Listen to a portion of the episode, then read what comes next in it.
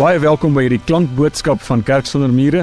Ons gebed is dat dit regtig vir jou 'n betekenisvolle belewenis sal wees. Ons Here is ons God. Is die enigste lewende God. Is die heilige een, is die een wat in Jesus Christus mens geword het. Here en is die een wat ons uitverkies het. Is die een wat ons gekies het. Is die een wat ons geroep het om 'n lig vir hierdie wêreld te wees, om sout vir die aarde te wees. Here, dankie dat ons deur u woord en deur u woorde gevorm kan word. Dankie dat ons daarna kan luister. Dankie dat ons 'n Ou en 'n Nuwe Testament het. Here, dankie dat ons deel kan wees van u missie op hierdie aarde. Dankie dat ons deel kan wees van 'n gemeente. Dankie vir Kerk sonder mure. Here, dankie vir elke mens, vir elke man, elke vrou, elke kind. Here, mag Mag U wil vandag in hierdie boodskap geskied. Here mag U koninkryk kom. Here mag U koninkryk hoe langer hoe meer kom soos wat ons reageer op die woorde wat ons vandag gaan lees. Here mag mag U naam geheilig word. Amen. Ek begin vandag se boodskap deur 'n kort Psalm saam te lees. Ek lees vir ons Psalm 131. Dis 'n Psalm van Dawid, dis 'n pelgrimslied. Dawid sê selfverheffing en hoogmoed is daar nie by my nie, Here. Ek maak my nie besorg oor groot dinge nie, dinge wat bo my vermoë is. En dan sê Dawid, ek het rus en kalmte gevind. Soos 'n kindjie wat by sy moeder tevredenheid gevind het, so het ek tevredenheid gevind. Wag op die Here Israel, nou en vir altyd. Vandag se se hele boodskap gaan oor tevredenheid. Dit gaan daaroor dat die Here ons oproep om mense te wees wat tevrede is. Die interessante is, dikwels op hierdie aarde is ons gewoon net ontevrede met alles en almal. En die interessante is, ons ontevredenheid word dikwels aangevuur wanneer ons onsself met ander mense vergelyk. En baie keer gebeur dit al as ons kind is, van kindsbeen af vergelyk ons onsself met ander mense. As as 'n kleuter, as 'n Peter, dan kom ons agter daar's daar's seuns en dogters wat gewoon net groter as ons is. Daar's kinders wat vinniger as ons is. Daar's kinders wat sterker as ons is. Daar's maatjies, daar's dogtertjies wat mooier as ons is. Daar's mense wat mooier kan sing. Daar's mense wat gewoon net meer gewild as ons is. Ons kom agter daar's mense wat net beter as ons is op hierdie aarde. En aan die ander kant kom ons ook agter daar's goed wat ons beter as ander mense kan doen. Maar van kindsbeen af vergelyk ons onsself met ander mense baie van ons is ook gewoon net tevrede daarmee om net beter as iemand anders te wees nie. Ons wil ons wil die beste wees. Ons wil die grootste wees, ons wil die sterkste wees, ons wil die vinnigste wees, ons wil die slimste wees. Ons wil die rykste wees. Ons wil die magtigste wees. Ons wil hê ons ons plasings op sosiale media moet die meeste gelike word. So beter is nie goed genoeg nie. Ons wil die heel beste wees. En omdat baie van ons onsself so voortdurend amper op 'n konstante basis met ander mense vergelyk, is die gevolg daarvan dat ons gewoon net ontevrede mense is. Daar's 'n storie waarom my vrou dikwels verwys in ons huis. Sy's 'n Vrystater en so 12 jaar terug het sy van Bloemfontein af Johannesburg toe getrek en sy het daar deel geword van die Mosaïek gemeente en op 'n aand het Trevor Hudson gepreek en hy het oor die volgende storie vertel. Hy het vertel van 'n persoon, ek dink dit was 'n vrou wat 'n 9% verhoging gekry het. Toe sy hoor sy kry 'n 9% verhoging, toe sy in die wolke. Sy sy's dankbaar. Asof sy op haar knie gaan en vir die Here dankie sê. Sy bel hom en sy sy kan nie ophou glimlag nie. Later die dag, daai dag toe sy nou gehoor het van haar verhoging, gaan sy na die kombuis toe. Sy stap daar waar die koffie is en daar hoor sy haar kollega het 'n 18% verhoging gekry. En toe toe sy dit hoor, toe sy onmiddellik jaloers. Sy's woedend en die en die glimlag is van haar gesig afgevee die oomblik toe sy haarself met haar kollega vergelyk, toe is sy gewoon net nie 'n gelukkige mens nie. Toe word sy in daai oomblik ongelukkig. Sy word 'n ontevrede mens. So ons ontevredenheid word aangevuur deur die feit dat ons onsself so dikwels met ander mense vergelyk. Kom ons kyk wat lees ons in die Nuwe Testament? Ek lees vir ons vandag uit 1 Timoteus. 1 Timoteus is 'n persoonlike brief. Dis 'n brief wat Paulus aan 'n jong gemeenteleier in die stad Efese skryf. Hierdie gemeenteleier se naam is Timoteus. Hy's nog 'n jong man en dit wat ons hier, hier lees, het nogal 'n herderlike aanslag. Paulus roep hom op om 'n herder te wees vir die mense dit wat ons in Timoteus lees, sluit sluit ook nogals nou aan by die wysheidsliteratuur van die Ou Testament. Dit wat ons kry in onder andere in die boek Job en Spreuke en Prediker. So ons gaan nou nou ook maar kyk na ander verse wat ons kry in Spreuke en in Prediker. So kom ek lees vir ons hierdie hierdie een vers, 1 Timoteus 6 vers 6 en ek lees vir ons wat Paulus sê. Paulus sê: "Die godsdiens is 'n groot wins as iemand tevrede is met wat hy het. Want ons het niks in die wêreld ingebring nie. Ons kan ook niks daaruit wegneem nie. As ons dan kos en klere het, moet ons daarmee tevrede wees. Die Here roep ons op om tevrede mense op hierdie aarde te wees. As jy dink aan aan jou kinders, as jy dalk kinders het, wees tevrede met jou kind. Daar kan ook net een een doeksleerling in elke graad wees. As jy getroud is, wees tevrede met jou eggenoot, wees tevrede met jou man, wees tevrede met jou met jou vrou, wees tevrede met jou familie. As jy dink aan jou aardse besittings, wees tevrede met jou kar, met jou huis, wees tevrede met jou gene. Dis 'n dis 'n moeilike ding om 'n tevrede mens te wees. Dit is baie makliker gesê as gedaan. Maar tog is ons disippels van Here Jesus Christus. En die woordjie disipel beteken iets soos jy's 'n leerling of jy's 'n leerder. Dit beteken ons moet leer wat dit is om tevrede te wees. Ons moet leer wat dit is om in vrede te leef met dit wat ons van die Here ontvang het. Die godsdiens is 'n is 'n groot wins as iemand tevrede is met dit wat hy het. Ons lees in die in die Spreukeboek in Spreuke 14 vers de, vers 30 sê Salomo. Nou Salomo was 'n was 'n wyse man, hy's 'n ervare man. Hy's iemand wat alles gehad het. Hy sê: "Stop dit. Hou hou op om jouself so met ander mense te vergelyk. Ons lees daarso in die 2020 vertaling. Hy sê naaiwer. Nou die woordjie naaiwer beteken iets soos afguns, jaloesie. Naaiwer is verrotting in die gebeente. In die NIV vertaling staan daar envy rots the bones. Nou Salomo is nie 'n mediese dokter nie, maar tog is dit asof hy sê ons gaan ons gaan siek word as ons gewoon net jaloers is op ander mense en op hulle goed. Daar's in die in die Engelse kerkwêreld die frase die lese waar hulle net sê there's no one in comparison. Ons lees ook in Hebreërs 13 daar so staan hou julle lewe vry van geldgierigheid. Wees tevrede met wat julle het. Ons is mense en as mens as jy 'n mens is dan kan ons nooit loskom van ons denke nie. Daar's altyd gedagtes in ons kop.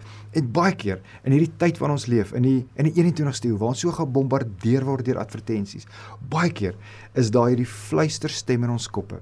En ons hoor net oor en oor iets soos jy gaan nie gerespekteer word nie, jy gaan nie aanvaar word nie, jy gaan nie liefgehê word as jy nie alles het wat jou vriende en jou familie het nie. Dis asof ons dink en ons glo dit naderhand as ons nie alles besit wat mens kan of hoef te besit nie, dan gaan ons nie gerespekteer word nie, ons gaan nie aanvaar word nie, ons gaan nie liefgehê word nie. Maar as as kinders van die Here, kan ons gewoon net sê dit is dis mos nou absolute absolute nonsens. Die boodskap van die Ou Testament, die boodskap van die Nuwe Testament is wees tevrede met dit wat jy het. In Prediker 4 word hierdie saak, word hierdie tema ook aangeraak. En daar sê die prediker, daar sê Kwalet, hy sê die volgende: Ek het gesien dat al die moeite wat mens doen vir sukses uit onderlinge afguns kom. Hy sê ook hier kom dit dus tot niks. So as ons vir die prediker vra, prediker, hoekom hoekom jaag mense so sukses na? Hoekom is hulle so gedrewe? Hoekom hoekom jag hulle as ware sukses? Dan sal die prediker vir ons sê, hy sê vir ons sê die die wortel van die kwaad is jaloesie. Die wortel van die kwaad is afguns. Dis hierdie ding dat ons heeltyd met ander mense wil kompeteer. Maar hy stop nie daar nie. Hy sê dan die volgende ding. Hy sê dit is 'n gejaag na wind. Dit is 'n dis 'n frase. Hierdie is 'n vers wat ons oor en oor en oor in ons gedagtes vir onsself kan sê. As jy as jy voel jy's jy's op hierdie op hierdie missie om net sukses en meer sukses en meer sukses na te jag, dan kan jy vir jouself sê dit is 'n gejaag na wind. Sommige net sommer net 'n storie, 'n storie ter ter wille van bietjie perspektief vir hierdie tyd waarin ons leef. Een van ons land se skrywers gaan gaan lê besoek af by 'n man wat hy redelik goed ken. Die storie se naam is Inventaris. En dan sê hy vir ons in een van sy boeke wat wat sien hy in hierdie huisie waar hierdie man bly. Hy sê die huisie het een deur en geen vensters nie. Hy sê in hierdie huisie is daar 'n klein tafeltjie, op die tafeltjie is daar 'n blou bakkie en in hierdie bakkie is daar kers. Hy sê daar's daar's 3 stoele. Twee van hulle is gebreek. Een van hulle se pote is stukkend, een van hulle se rug makkeer. Daar's ook 'n 'n rak. Hierdie rak het 3 vlakke. Op die boonste vlak is 'n porseleinhond. Daar's ook 'n tandeborsel, daar's ook tandepasta. Op die middelste vlak van hierdie rak is die huis se kombuisie. Dis die spens. Daar sou is 'n sakkie suiker, daar's 'n sakkie Iwiza mieliemeel en daar's 'n bietjie kookolie, Spar No Name brand kookolie. En dan was daar op die onderste vlak 'n Primus stofie. Daar's ook 'n pot en daar's 'n paar vuurhoutjies, vuurhoutjies. Daar's 11 vuurhoutjies wat daar rond lê. In hierdie huisie is 'n bed. Dis 'n bed wat hol is. Dis 'n bed wat 'n klapper haar, haar matras het. Hierdie bed staan op 4 verfblikke. Daar's ook 'n kas. Die kas is is wel lendelam. In hierdie kas is daar 'n overall baadjie. Daar sou is 3 broeke, 3 hemde, 3 onderbroeke en 2 pare kouse. Hy sê daar's ook 'n geel trui en hierdie geel trui het 'n gat in die linkermou. As hy as hy so rondkyk, sien hy daar's 'n 'n big skeermes. Hy sê daar's 'n Soto Bybel. Hy sê daar's so 'n televisiestelletjie wat aan 'n motorbattery gekoppel is. Daar's 'n rubberplant. En dan aan die einde van die storie sê hy net die volgende. Hy sê dit is min of meer die som totaal van Jerry De Bitsu, die man wat soms in my tuin werk, se aardse besittings. Kerk sonder mure, wees wees tevrede met dit wat jy het.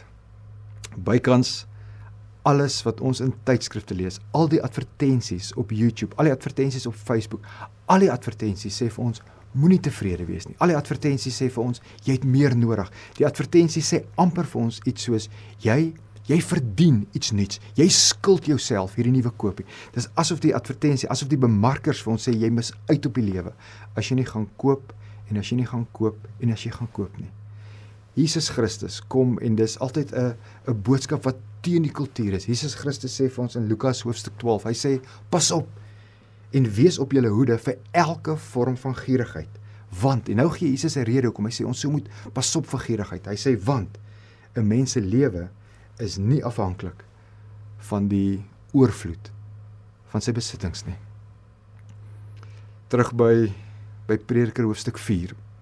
So ons kry in Prediker 4 hierdie mens, hierdie persoon wat net sukses najag en die prediker sê vir ons man daai, daai is 'n dis 'n gejaag na wind. Ons kry ook in Prediker 4 die volgende. Ons lees in Prediker 4 dat daar 'n lui mens is.